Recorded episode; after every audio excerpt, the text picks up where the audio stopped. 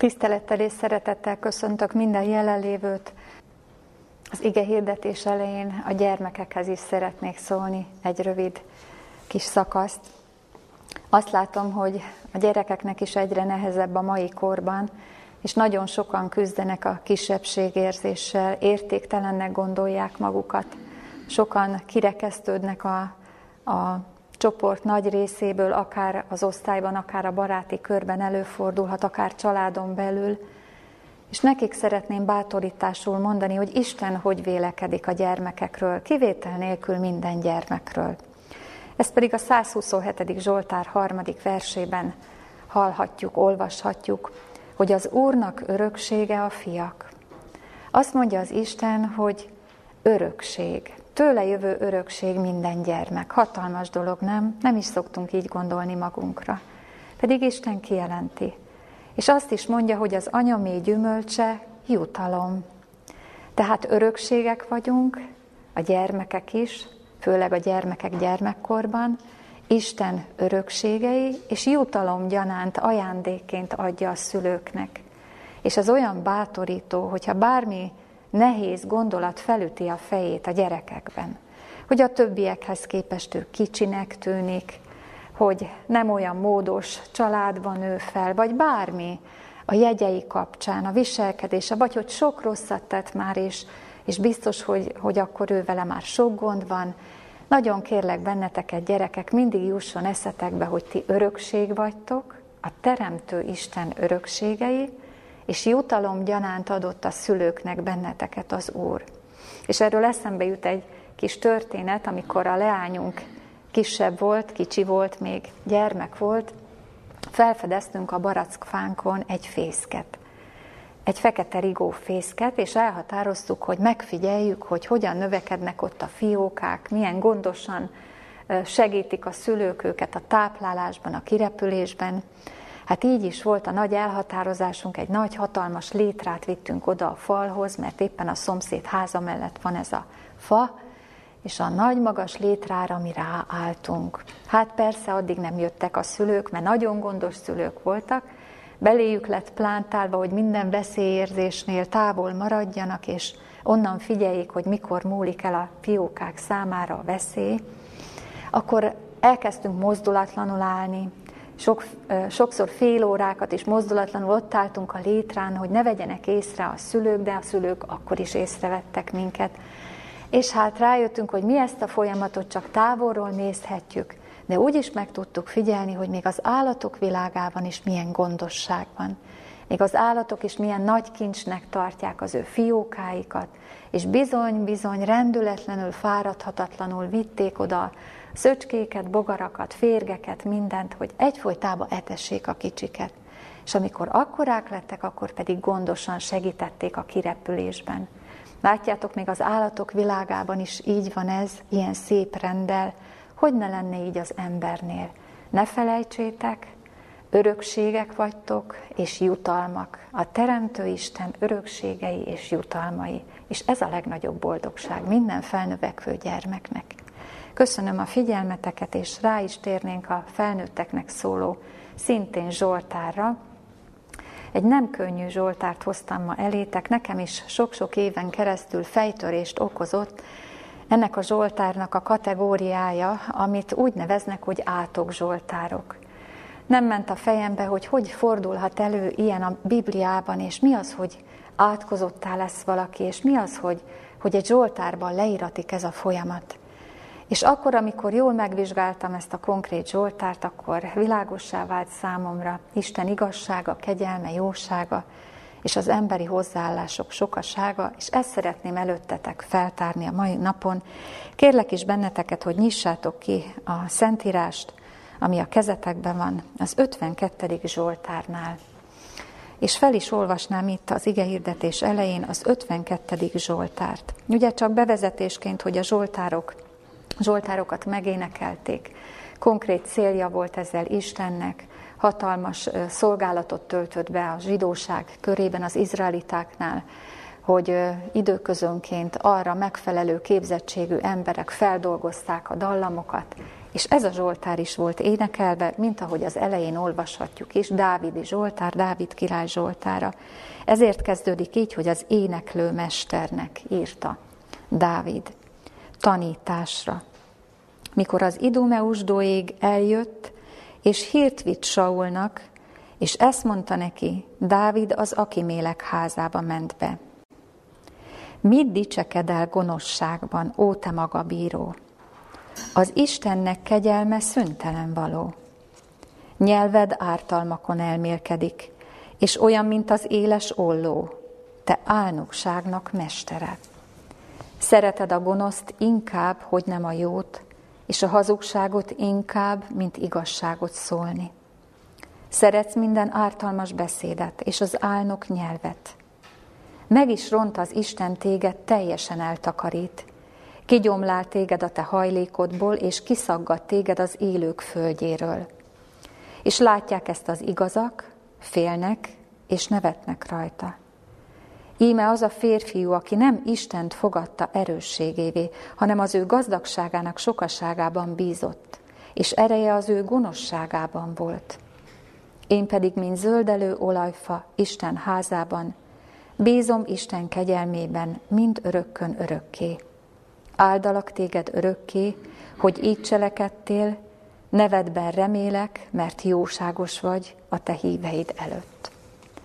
Hát első megállapítás, hogy Dávid írta, Dávid király, és Dávid királyról is tudjuk, hogy nem volt makulátlan. Sok hibát követett el, kifejezett bűnöket is.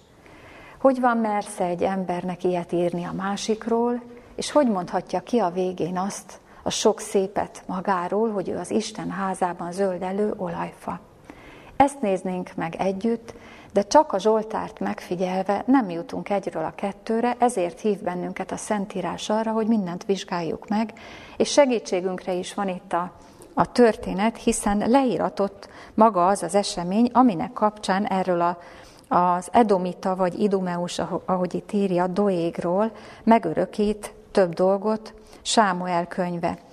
Nyissuk is meg tehát tovább figyelve a történetet, hogy kik a szereplők, Dávid mit csinált, miért írja ezt ilyen kemény kifejezésekkel, hogy álnokságmestere, gonoszság nyelve, magabízó, kitakarítatik, szereti a gonoszt, és nem is ismétlem most tovább. Ki volt ez az Idumeus doég, és mit tett? És mit tett Dávid, aki ezt merte írni magáról? Tehát nyissuk meg a Szentírást 1 Sámuel 21. fejezeténél, ahol megörökítve van a történet, és több mindent megtudunk. Még mielőtt a 21. fejezetből egy verset felolvasnék, hogy érthető legyen a dolog, elmondanám, hogy mik előzték meg ezt a, az eseményt, hiszen így válik kerekké minden biblia kutató számára, hogy megértse a történetet. Dávidról ugye tudjuk, hogy itt már felkent király volt, Isten által kijelölt király, Sámuel által felkent, de hivatalba még nem léphetett, mert volt egy másik aktuális király, Saul, aki féltékeny volt erre a Dávidra, Dávidra, aki dicsőséget szerzett a filiszteusokkal szemben Izrael népének, megsegítette a királyt, zenei szolgálattal a király kedélyállapotát mindig ö, megjavította, ott élt most már egy ideje a király udvarában, Saul király fiának a legjobb barátja volt, és ráadásul még egy dolog is jellemezte, hogy vője volt Saul királynak, mert elvette az egyik lányát. De miért nem él Dávid ekkor a királyi házban, itt a történetünk megjelenítésekor? Azért, mert Saul, aki jól indult és jó királynak indult, megengedett egy nagyon nehéz dolgot a szívében, többet is, de ez vitte el inkább. Szerette az önfelmagasztalást és a hízelgést, és az megnehezítette a dolgát akkor, amikor valaki más is jót tett a körében, és elindult benne az irítség és a féltékenység. Ez jellemezte Saul királyt, és ez depressziós állapotba vitte, és őrült állapotba is, ki lehet ezt így mondani, és Dávid volt mindig a fő ellensége, hol megbékélt vele, hol kifejezetten meg akarta gyilkolni, és Jonatán a fia, aki, mint mondtam, legjobb barátja volt Dávidnak, tanakodott Dávid, hogy meddig lehetséges ott élni a királyi udvarba, úgy, hogy ne essen fizikálisan baja, Dávid már nem bízott a királynak a kedély állapotába, és azt mondta, hogy menekülnie kell. Jonatán még bízott az édesapjába, és mondták, hogy tegyenek egy próbát, lesz egy nagy esemény. Hogyha a király normális módon fel tudja dolgozni, hogy Dávid éppen nincs jelen, akkor tényleg megszűnt ez az iránta való rossz érzés, hogyha pedig nem, és újra dükitörése lesz, akkor egyértelmű, hogy tovább kell menekülnie Dávidnak.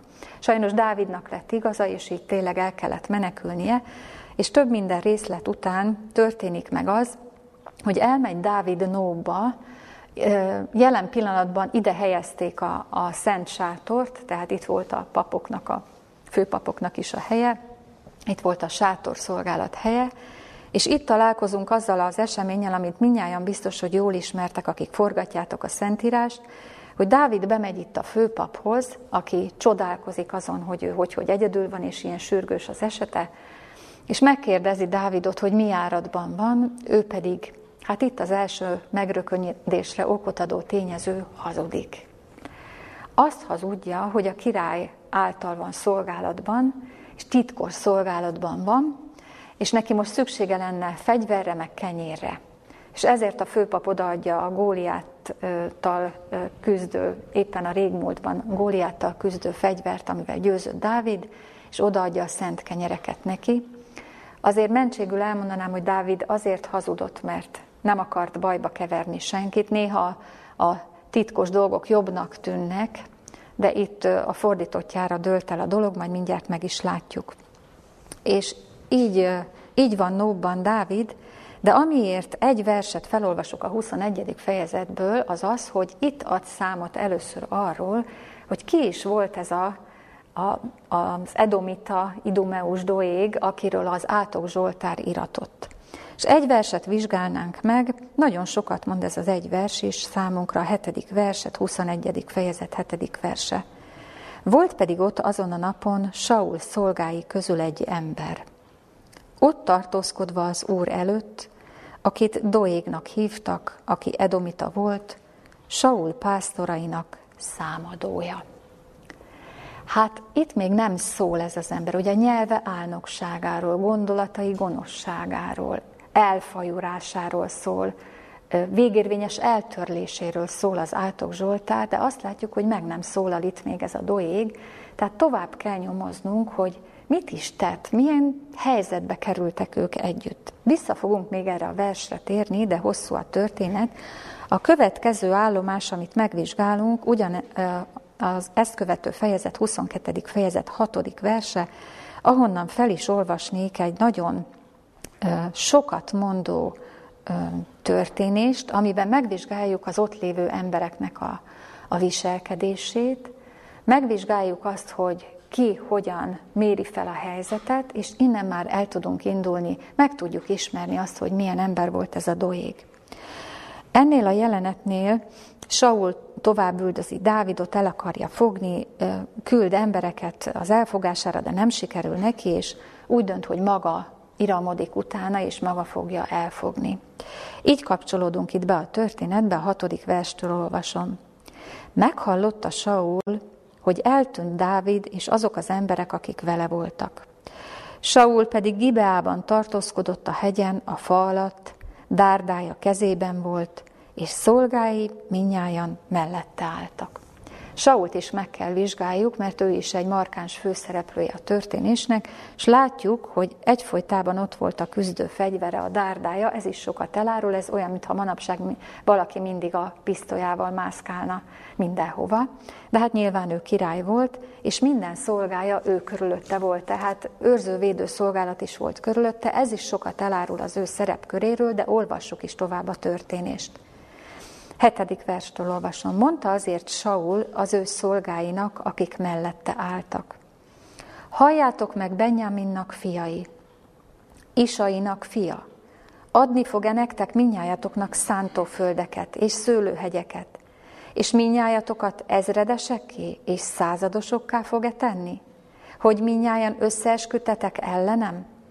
Senki nincs, aki tudósítana engem, hogy fiam szövetséget kötött Isai fiával? És senki sincs közöttetek, aki szánakoznék felettem, és megmondaná nekem, hogy fiam fellázította szolgámat ellenem, hogy leselkedjék utánam, mint ahogy a mai napon megtetszik. Eddig olvastam csak a beszédet. Ha jól megvizsgáljuk a történést, hihetetlen sok mindent láthatunk egy párbeszédből. Ebben, illetve itt még nem párbeszéd van, itt még csak egy monológ, és a király, hogyha más gyülekezetekben vagyok, akkor mindig kérdezem az ott jelenlévő hallgatóságot, hogy mit tudunk megállapítani ebből a beszédből, milyen ez a beszéd, mit kelt. Minden beszéd kelt valamilyen hangulatot, megindít emberi érzéseket, gondolatvilágokat, ösztönzi az ott jelenlévőket, tehát egy beszéd, főleg egy uralkodónak a beszéde mindenképpen hat a körülötte lévőkre. Ebben a beszédben, ha megfigyelitek, van vád. Vádolja a körülötte lévő szolgákat, mert úgy gondolja a király, hogy mivel eddig nem sikerült megfogni a Dávidot, biztos, hogy áruló van közöttük. Vádolja Dávidot, elvetemültnek mondja, vádolja a fiát, aki szövetséget kötött vele, és vádolja az ott jelenlévő szolgákat, és az a hangulatot kelti, hogy ti árulók vagytok minnyáján. Ebben a beszédben van sajnálatkeltés is. Sajnáltatja magát, hogy ő mellette nem áll ki senki. Nincs körülöttetek senki, aki engem megsegítene, megérteni az én helyzetemet.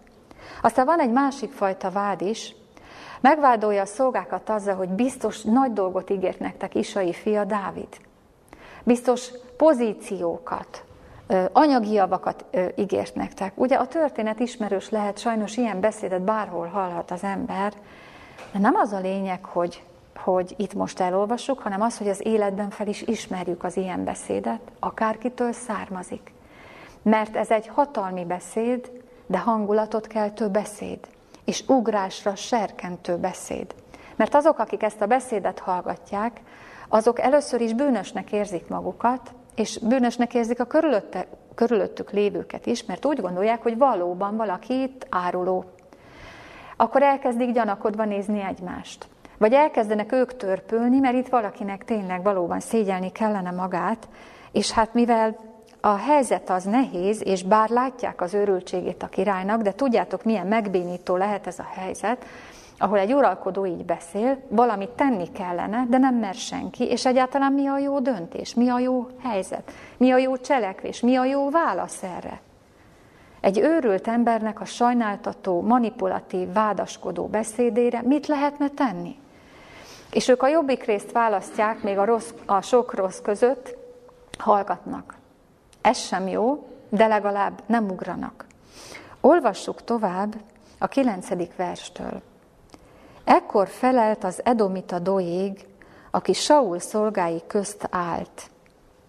Én láttam, hogy az Isai fia Nóbba ment az Akitóp fiához, Akimélek paphoz, aki ő érte, megkérdezte az urat, és eleséget adott neki, sőt a filiszteus Góliát kardját is neki adta.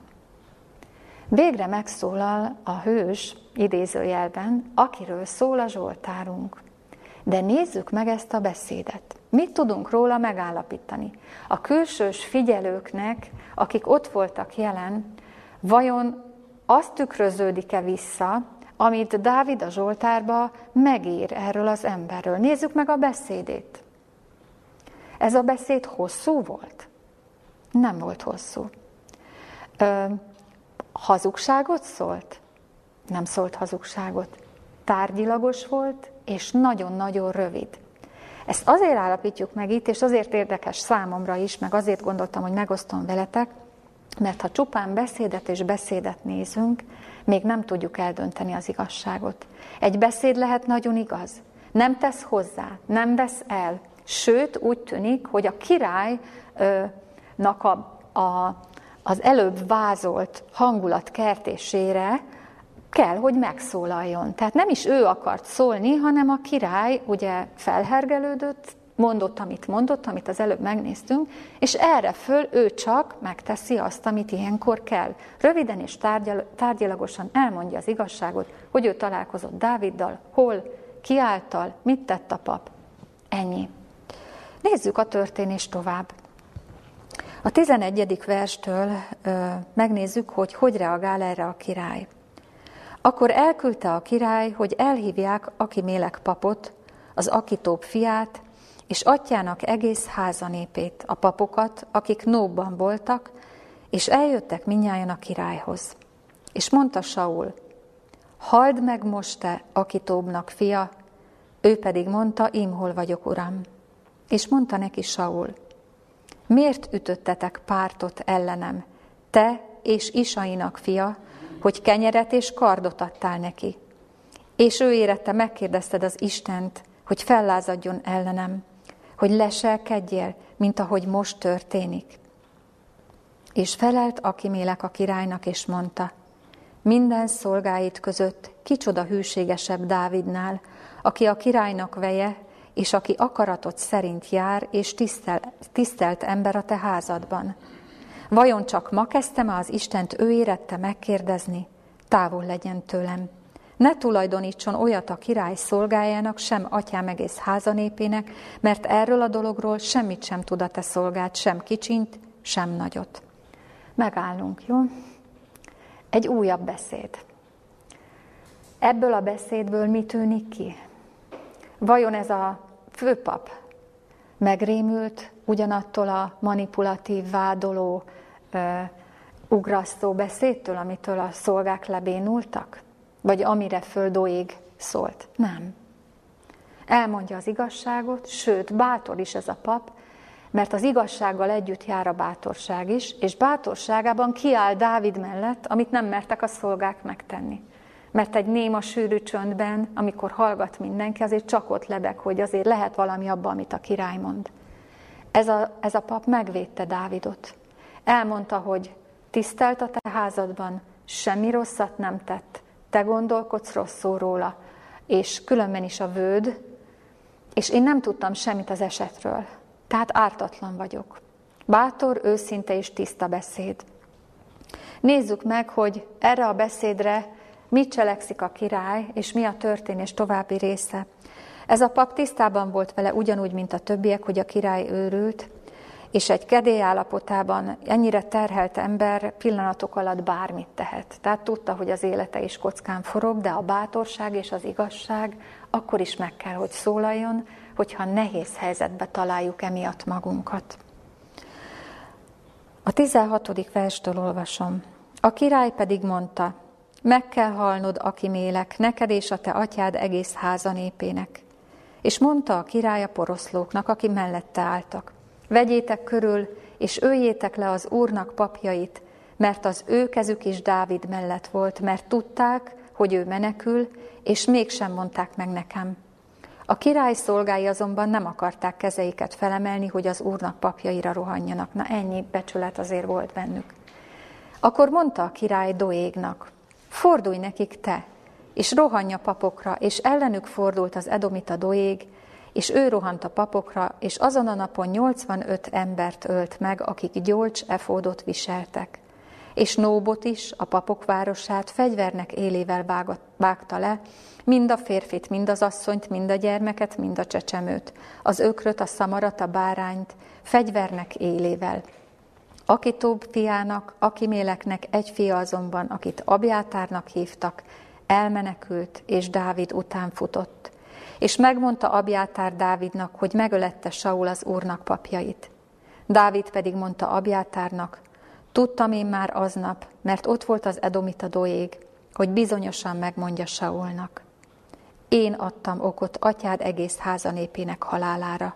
Maradj nálam, ne félj, mert aki az életemet halára keresi, az keresi a te életedet is, azért te bátorságos lehetsz mellettem. Sűrűsödnek itt a dolgok, és sok mindent meg kell, hogy állapítsunk. Az egyik az, hogy Saul király isteni parancsra nem hajtott végre ítéletet népeken. Most pedig ártatlan embereknek a vérét kívánta. De ennyit Saulról. Nézzük meg az embereket, akik szolgáltak neki. A szolgái nem merték, ezt azért nem merték megtenni. Még ha gyávák is voltak Dávid mellett kiállni, de a gyilkosságba nem mentek bele. Egyetlen egy ember volt itt hadra fogható, de látszólag ő is csak a király parancsát végezte el. És beszéde nem volt. egy árva szót nem szólt, hanem amit a király kért, azt megtette. Igaz, hogy hideg vérrel, 85 papot, egész családjával, állataival, házanépével, egy egész települést kivégzett. De szólni nem szólt. Miért mondja a Zsoltáros, már ha itt már negatív fényben is tűnik fel ez a doég, de miért az álnok nyelvről beszél? Miért a kiírtásáról? Miért szól ilyeneket róla, hogy, hogy dicsekszik a gonoszságban, ártalmakon elmélkedik a nyelve, olyan, mint az éles olló. Nem is szólt ez az ember. Miért írja róla a Zsoltáros? És főleg miért írja akkor, amikor Dávid viszont tetten érhető azon, hogy hazudott? Hogy van ez az emberi világban az Isten megítélése szerint? Hogy egyik ember, aki annak a terhével kell, hogy tovább éljen, amit ott be is val, hogy én voltam a vétkes ebben, én szereztem ezeknek az embereknek a halálát. Én elgondoltam, hogy egy sofőr, buszsofőr vagy autósofőr, ha akár önhibájából, akár véletlenszerűen, de okoz egy közúti balesetet, mindig azt szoktam mondani, hogy nem lennék a helyébe, mert egész életében terhelve van ettől, ugye? Nehéz ezzel együtt élni, de ennyi embernek a halálát okozni. És tudni azt, hogy Dávid a félésében, a gyávasságában hazudott. Hogy van az, hogy mégis ez az ember az, akiről Isten azt mondja, hogy Isten szíve szerint való ember, és hogy van az, hogy rajta keresztül üzen az összes utókornak, az, az egész emberiségnek, aki csak olvassa ezt az üzenetet, hogy van olyan ember, akit nem lehet leleplezni, hiszen a beszéde az tárgyilagos, nem tesz hozzá, nem beszél, igaznak is tűnik. Cselekedni is csak akkor cselekszik, amikor a másik parancsot ad rá, tehát ki nem világlik, hogy ő, ő benne valami lett volna itt, ami nehéz. Hát akkor is, hogyha azt azért a számlájára írhatjuk, hogy ilyen véres cselekedetet még a király parancsára is, de bűnnek tenni. Ahhoz, hogy ezt megértsük, kedves gyülekezet és kedves hallgatóság, még egyszer meg kell vizsgáljunk valamit. És ez itt a sorsdöntő a Zsoltáríró szempontjából is, és beszédes a Bibliánk. Menjünk csak vissza a 21. fejezet 7. verséhez, és nézzük csak meg még egyszer. Az Isten templomában vagyunk, a sátorban, a szent sátorban. Ott van Dávid, ott van a pap, és ott van ez a doég. Olvasom még egyszer a hetedik verset. Volt pedig ott azon a napon Saul szolgái közül egy ember, ott tartózkodva az Úr előtt, akit Doégnak hívtak, aki Edomita volt, Saul pásztorainak számadója. Először megnézzük, hogy mivel foglalkozott. Saul pásztorainak számadója. Ekkor még a királyság az állattartományban mérte a vagyonát. Ugye később alakult ki ö, már a salamoni korszakban, hogy gyűjtött kincseket, lovakat, és azzal cserélte fel a gazdagságot, és abban mérte a gazdagságát és, és a szolgáinak nagyságában. De itt még, amikor arról van szó, hogy, hogy Saul pásztorainak számadója, akkor ez azt jelenti, hogy a legnagyobb kincstárnok a vagyona felett, mert akkor még az állatok jelentették a nagy gazdagságot. Tehát egy nagyon neves szerepkör töltött be Saul uh, udvarkörében, egy fontos és felelősségteljes posztot. Ezzel nincs is semmi baj, hiszen kell, hogy legyen ilyen ember is. De még egy dolgot megtudunk, azt, hogy ő edomita volt eredetileg, Viszont ebből kifolyólag még egy dolgot is megtudunk, ha ő az úrházában van, akkor azt jelenti, hogy teljesen azonosult az izraelitáknak a, a vallásával, áttért, és az úrházában volt. Ez nagyon-nagyon sokat elmond számunkra. Mire is adatott az úrháza? Miért is mentek oda az emberek? Az úrháza, ahogy a mai időben is az Isten előtti lét szintere, a bűnelrendezés szintere.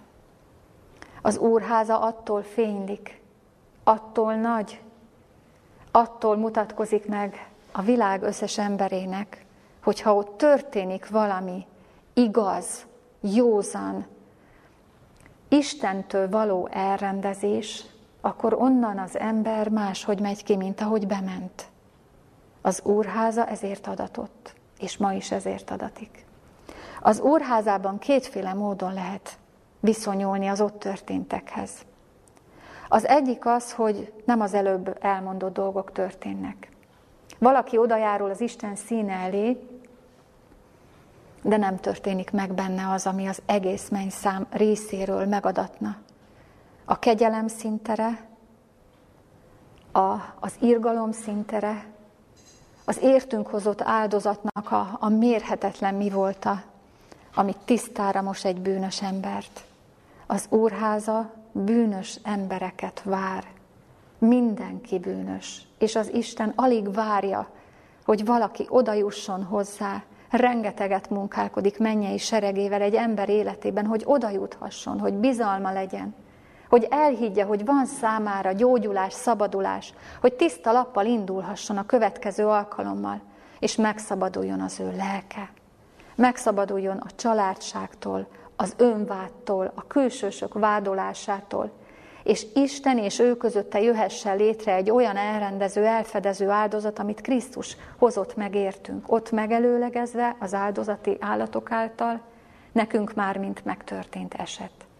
Kedves hallgatók, a menny legnagyobb örömüzenete, hogy az úrházához mindenki mehet. A kegyelem királyi széke minden ember számára nyitott. Ennél nagyobb örömhír a világon nincs. De ebből a házból el lehet úgy távozni, hogy nem végzi el a dolgát az Isten. Nem azért, mert ő dolga végezetlen lenne, hanem azért, mert az ember nem hagyja. Nem lehet meg az az áttörés, az a jótékony áttörés, ami a megváltás folyamatát előbbre és előbbre viszi. Ha megmarad az emberi büszkeség, ha ott van az emberi védekezés, és mindig más tehet arról, hogy én miért is estem bűnbe. Ez az edomita doig ott volt az úrházában. De valószínű, hogy úgy jött el onnan, ahogy odament, bűnösen. És valakit kell találni, aki hibás azért, hogy engem egy pap esetleg megfed, mert Isten által meg tudja mutatni, hogy bűnben vagyok, vagy nem jól őrzöm azt, ami rám lett bízva, vagy hűtlen vagyok, vagy sikkasztok, vagy lehet egy egész kicsi bűn is. De hogyha én onnan úgy megyek el, hogy nem tudja az Isten véghez vinni, amiért, amiért az egész menny örvend, és amiért az ember örök életet nyerhet, a bűn elrendezést, akkor az emberi agy rááll arra, hogy másokat kell hibáztatni azért, hogy velem ez történt, a be nem ismerő lelkület mindig így forog. Mindig így forog. És ez az ember ott begyűjtötte magának azt, hogy haragudott Dávidra is, haragudott a papra is, és meghagyta magában ezt az érzést. Dávid hazudott, és még elkövetett az életében sokkal nagyobb bűnöket is. De Dávid Isten szerint való király volt Miért is? Akkor már láthatjuk, hogy nem a bűnök elkövetése és annak a nagysága különbözteti meg az embert, az egyik embert a másiktól, és az isteni megítélés szempontjából, hanem az a mozzanat, ahogyan lerendezi, vagy le nem rendezi az elkövetett dolgokat. Kedves gyülekezet, a menny szempontjából a tragédia nem akkor történik meg, amikor az ember bűnbe esik. Ha ez így lenne, az Isten nem tett volna meg Ádám éve után semmit az emberért.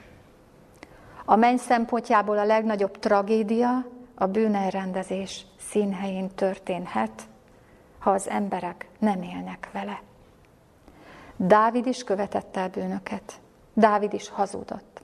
Nem tudta volna ezt az ott lévő, jelenlévő sokasság leleplezni. Kinek van itt igaza? Hányszor vagyunk így az életben? Történik egy esemény, földbe gyökereznek a lábak, igaznak tűnő vádak is ö, elhangzanak. Ki tesz itt igazságot? De az az ember, aki az Isten előtt elmeri rendezni, a bizalmát az Istenbe meri fektetni, elfogadja a kegyelmet, alázatra és beismerésre jut, és az Isten Istene lesz végérvényesen. Pontosan ezért, mert tudja, hogy ki az, aki megbocsátotta az ő bűneit. Tudja, hogy kinek köszönheti a tiszta lelkiismeretét. Tudja, hogy az önvádat hol kezelje, mert nem az Istentől jön. Tudja, hogy mások vádaskodására hogy figyeljen és mit ne figyeljen, és mit ne vegyen magára. Nem azért, mert nem igazak, amiket mondanak, hanem azért, mert az ő ügye Isten előtt el van rendezve. Az az ember bátran kimeri mondani azt, amit Dávid állít magáról. Én pedig, mint zöldellő olajfa Isten házában, bízom Isten kegyelmébe mindörökkön örökké. Kedves gyülekezet, óriási a tanulság. Zöldellő olajfának lenni, összetöretett bűnös sokaság után, sok tetteink után. Hát van kegyelem, van írgalom, sok vétek után is, zöldellő olajfának lenni. És ez, ez nem, hogy az összetöretettségében az embert bizonytalanná tenni, hanem sziklaszilárdá teszi. Kedves jelenlévők, bátran állíthatom, az Isten kegyelmét elnyerő ember nem identitás zavarban szenved, nem gyenge jellemű, de nem azért, mert magáról sokat gondol, hanem azért, mert az Isten meg tudja erősíteni, fejleszteni tudja és szeretné is a bűnelrendezés után. Az összes kincsét, ajándékát neki tudja adni, egy fix, stabil állapotba tudja helyezni, stabilizálni tudja. És minden kincsét neki adja. Egy növekvő, fejlődő jellemmel tudja megajándékozni. Ugyanezt meg tudná bárkivel tenni, aki elfogadná. Egy kulcsmozzanat van. A Krisztusi áldozathoz való viszony. A kereszt ajándéka és ennek elfogadása. Ott eltörpül a kisebbségérzés. Ott eltörpül az, hogy mit tettem, hiszen maga az Isten most bennünket tisztára. Azt szoktam mutatni azoknak a kedves társaimnak, akikkel együtt szoktam biblió órát folytatni, hogy olyan ez, úgy képzeljük el, mint amikor mi a feketességünk tudatában és szennyes mi voltunkban oda megyünk Isten elé, bevalljuk a mi bűneinket, és ő egy fehér tiszta lappal körbevon bennünket. Jelenések könyve úgy jeleníti meg azokat, akik ilyenek, nem azért, mert tökéletesek, hanem azért, mert engedik ezt az életükbe, azt mondja, hogy fedhetetlenek. A kegyelem királyi széke előtt nem lehet őket megfeddeni. És szájukban nem találtatik álnokság, mert Isten előtt így állhatnak. Tudjátok, milyen nagy kincs az élet. Minden pillanata óriási kincs, és óriási dolgok forognak kockán. Eldőlhet a mi sorsunk. És most a mostani napokban dől el az, hogy Isten, amikor visszatér majd erre a földre, milyen jutalmat vagy ítéletet hoz. Egyeseket meg fog feddeni Jézus megjelenése, mert nem engedték a kegyelem királyi széke előtt elrendezni a dolgaikat.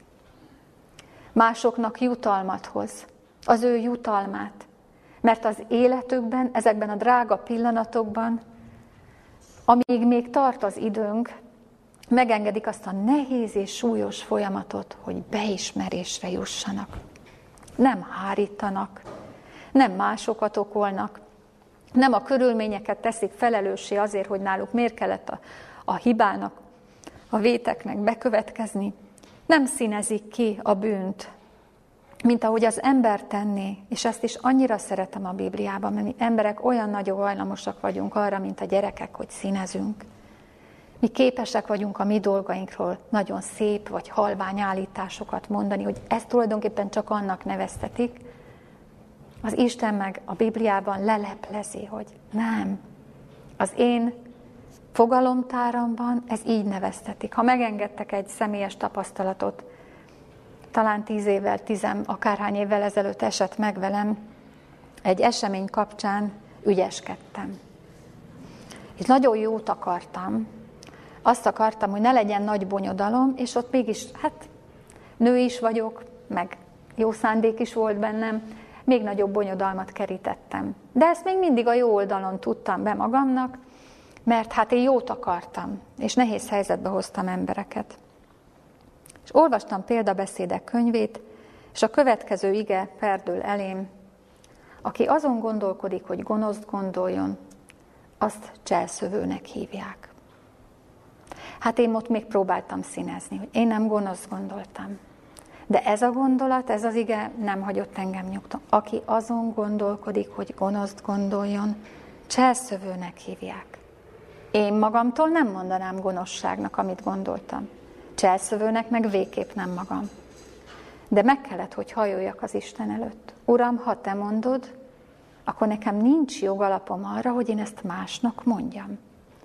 És beismertem, és oda mentem azokhoz az emberekhez, akiket érintett, mert én nem akartam cselszövő lenni.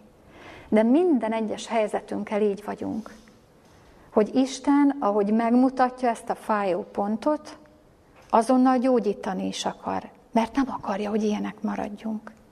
Éljünk hát a pillanatokat a lehetőséggel, a csiszolásával, a megjobbításával, és a bűnelrendezés lehetőségével, ami tisztára tehet, tisztává moshat bennünket, és zöldelő olajfáká tesz az ő házában. De hogy juthat valaki el odáig, hogy mégis átkozottá válik? És hogy nem a magam kútfőjéből beszélek, ezért nyissuk ki pár oldallal odébb a Zsoltárok könyvét a 109. Zsoltárnál, és nézzük meg a szintén Dávidi és Isteni kijelentést erről, hogy mennyire nem kell sok ahhoz, hogy valaki átkozottá váljon. 109. Zsoltár 17. versétől olvasom. Mivel, hogy szerette az átkot, azért érte el őt. Hát itt egy picit megállnék, jó? Én el nem hiszem, hogy van olyan ember, aki úgy születik, hogy szereti az átkot. Ez éppen olyan valaminek a következménye kell, hogy legyen, mint ha az előbb megvizsgáltuk ugye az isteni kijelentéseket. Valamiért ezen az oldalon találja magát az ember. Nézzük csak tovább. Mivel, hogy szerette az átkozt, ezért érte el őt. És mivel nem volt kedve az áldáshoz, azért távozott el ez őtőle. Olyan szép a kifejezés az Isten szájából. Ha valaki nem szereti az áldást, nem él vele, nem él a kegyelem királyi szék előtt adott lehetőségekkel. A bűn felismerés, a bűn megvallása és a bűn bocsánatának a lehetőségével automatikusan, nyilván azokról szólok, akik ezt ismerhetik, akik erről tudhatnak. Automatikusan azon az oldalon találja magát, hogy ezzel nehéz helyzetbe sodorja saját magát, mert az átkozottak oldalán marad, aki nem akar szabadulni. Olvassuk csak tovább még. Úgy öltözte fel az átkot, mint a ruháját. Azért ment beléje, mint a víz, és az ő csontjaiba, mint az olaj. Legyen az neki palástól, amelybe beburkolózik, övül, amelyel mindenkor övezze magát. Ez legyen jutalmuk az Úrtól az én vádolóimnak, akik rosszat beszélnek az én lelkembe. Kedves gyülekezet, az Isten kegyelme is át és átjárja az ember természetét, és a kegyelem figyelem, figyelmen kívüli hagyása és tudatos elutasítása pedig mint egy ruhát úgy veszi magára az ember, azokat a rossz dolgokat, amik nem zöldelő olajfává teszik, hanem egyre mélyebbre sűjesztik. És ez lesz a palástja. Nem az a szép fehér palást, amivel a mi bűneinket Jézus be tudja takarni, hanem ez és ettől lesz fedhető. De nézzük csak meg újból a történetünk végét, hogy hogy lehet az, hogy valaki, akiről így beszél, Dávid 52. Zsoltárnál vagyunk újból, dicsekszik a gonoszságban, magabízó, nyelve ártalmakon elmélkedik, olyan, mint az éles olló, álnokságnak mestere. Ha a történetünkre visszagondolunk, ez az ember nem mondott hazugságot, nem ön szántából jelentkezett, hogy majd ő elvégzi a dolgot, hanem ennél sokkal csúnyább dolgot tett. Figyelte az alkalmat. Figyelte, és belobbantotta, ráadásul úgy, hogy saját magáról elterelődött a figyelem. Ez nagy mesterség, ez sátáni tudomány, ki kell, hogy mondjuk olyan ember, aki nem, leleplezhető a beszédében. Él az alkalommal, tudja, hogy a király őrült, nem kell neki sokat mondani, csak egy mondatot. És tudja, hogy minden haragja belobban. Tudja, hogy könyörtelen lesz a pappal szemben, neki se fog hinni semmit. és nagy dolgokra képes. És amikor ott a lehetőség, akkor úgy teszi meg a szíve vágyát, hogy megöli a papot és az egész háztartását, hogy nem is ő mondja ki, hogy ennek kell lennie, hanem a királlyal mondatja ki. Ezért mondja Dávid, hogy álnokságnak nyelve, ártalmakon elmélkedő lélek lakik benne, és álnokságnak mestere. Ezért mondja azt, hogy meg is ront az Isten téged, mert az az ember, aki egy kisebb bűnben nem tudott bűnbánatra jutni, az ezt sem fogja felismerni, és végérvényesen olyan dolgot tesz, amivel megmérgezi magát, megmérgezi a környezetét, és becsap mindenkit. Hazugságot szól inkább, és szereti, mint az igazságot. És ki kell, hogy mondja az isteni dolgot rá, nem azért, mert az Istennek ebben telik kedve. Istennek nem ebben telik kedve. Istennek a kegyelem királyi széke előtt van a legnagyobb öröme, hogy életét adhatta az emberért, hogy megváltsa. Istennek a legnagyobb fájdalmában telik a legnagyobb öröme, hogy kész odaadni értünk mindent, kész elviselni értünk mindent, kész elnézni nekünk mindent, kész újból és újból új lappal indítani bennünket. Csak engedjük. És hogyha valaki ezzel nem él, akkor az Isten nem, nem önszántából rontja meg, hanem olyan oldalon találja magát, amire nem lesz mentség, és az ítélet végezni fog vele, úgy, ahogy délelőtt tanultuk a, a második halálnál. És kiszaggatja az élők földjéről, mert az örömhír további része, hogy Isten országa, amikor eljön, és megalapítja azt végérvényesen, nem lesz több veszedelem, nem lesz ilyen fájdalom, nem lesz álnokság, nem kell félni, hogy hogy szólunk, mint szólunk, mert a valódi Istentől jövő nyugalom, békesség, szeretet és tetrekész örök élet vár mindenkire. Az igazak ennek örülni fognak a Zsoltár író szerint.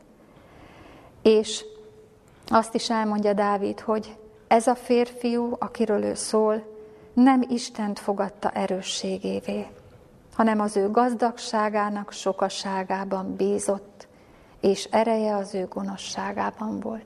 Igen, ezen a földön lehet erősködni, gyilkolni, szavakkal ölni, helyzeteket teremteni. De egyszer lezárja az Isten ezt a lehetőséget. Nem mindig lehet majd ezt megcsinálni. Azért szólít bennünket ez a Zsoltár, hogy Istent fogadjuk erősségünké, és ne a mi gazdagságunk sokaságában bízzunk, mert nincs. Nekünk nincs gazdagságunk sokasága. Épülés csak az Isten házában, mint zöldelő olajfa úgy adatik meg. Annak, aki bízik Isten kegyelmében mindörökkön örökké. Ez az ember tudja őszintén, igazán képmutatás nélkül áldani az örökké élőt, hogy így cselekedik. Így tudja mondani, hogy nevedben remélek, mert jóságos vagy a te híveid előtt. Ezért volt Dávid Isten szíve szerint való király, mert mindig belátásra tudott jutni. És a megváltó az egyedüli erősségévé vált. Én azt kívánom mindannyiunknak, hogy a történeten elgondolkodva mi is éljünk a lehetőségekkel, amíg még tart a ma. Adjuk tovább ezt az örömhírt, hogy lehet új életet kezdeni, és nem kell sem önvádban élni, sem másokat vádolni, sem vádoltatva lenni, mert az az ember jól tudja ezeket kezelni, akinek a megváltó, az erőssége és mindene. Így áldjon meg bennünket is az Isten, és így tegyen bennünket zöldelő olajfává az ő házában. Amen. Imádkozunk. Kegyelmes jó atyánk, világ mindenség teremtője és fenntartója. Nem tudjuk eléggé kifejezni a hálánkat azért, hogy nem kell tapogatóznunk a körülöttünk és bennünk történő dolgokat illetően, hogy te minden mozzanatot megmutatsz nekünk, hogy te hova sorolod, és türelemmel, jó akarattal kivárod, hogy mi beismerésre jussunk.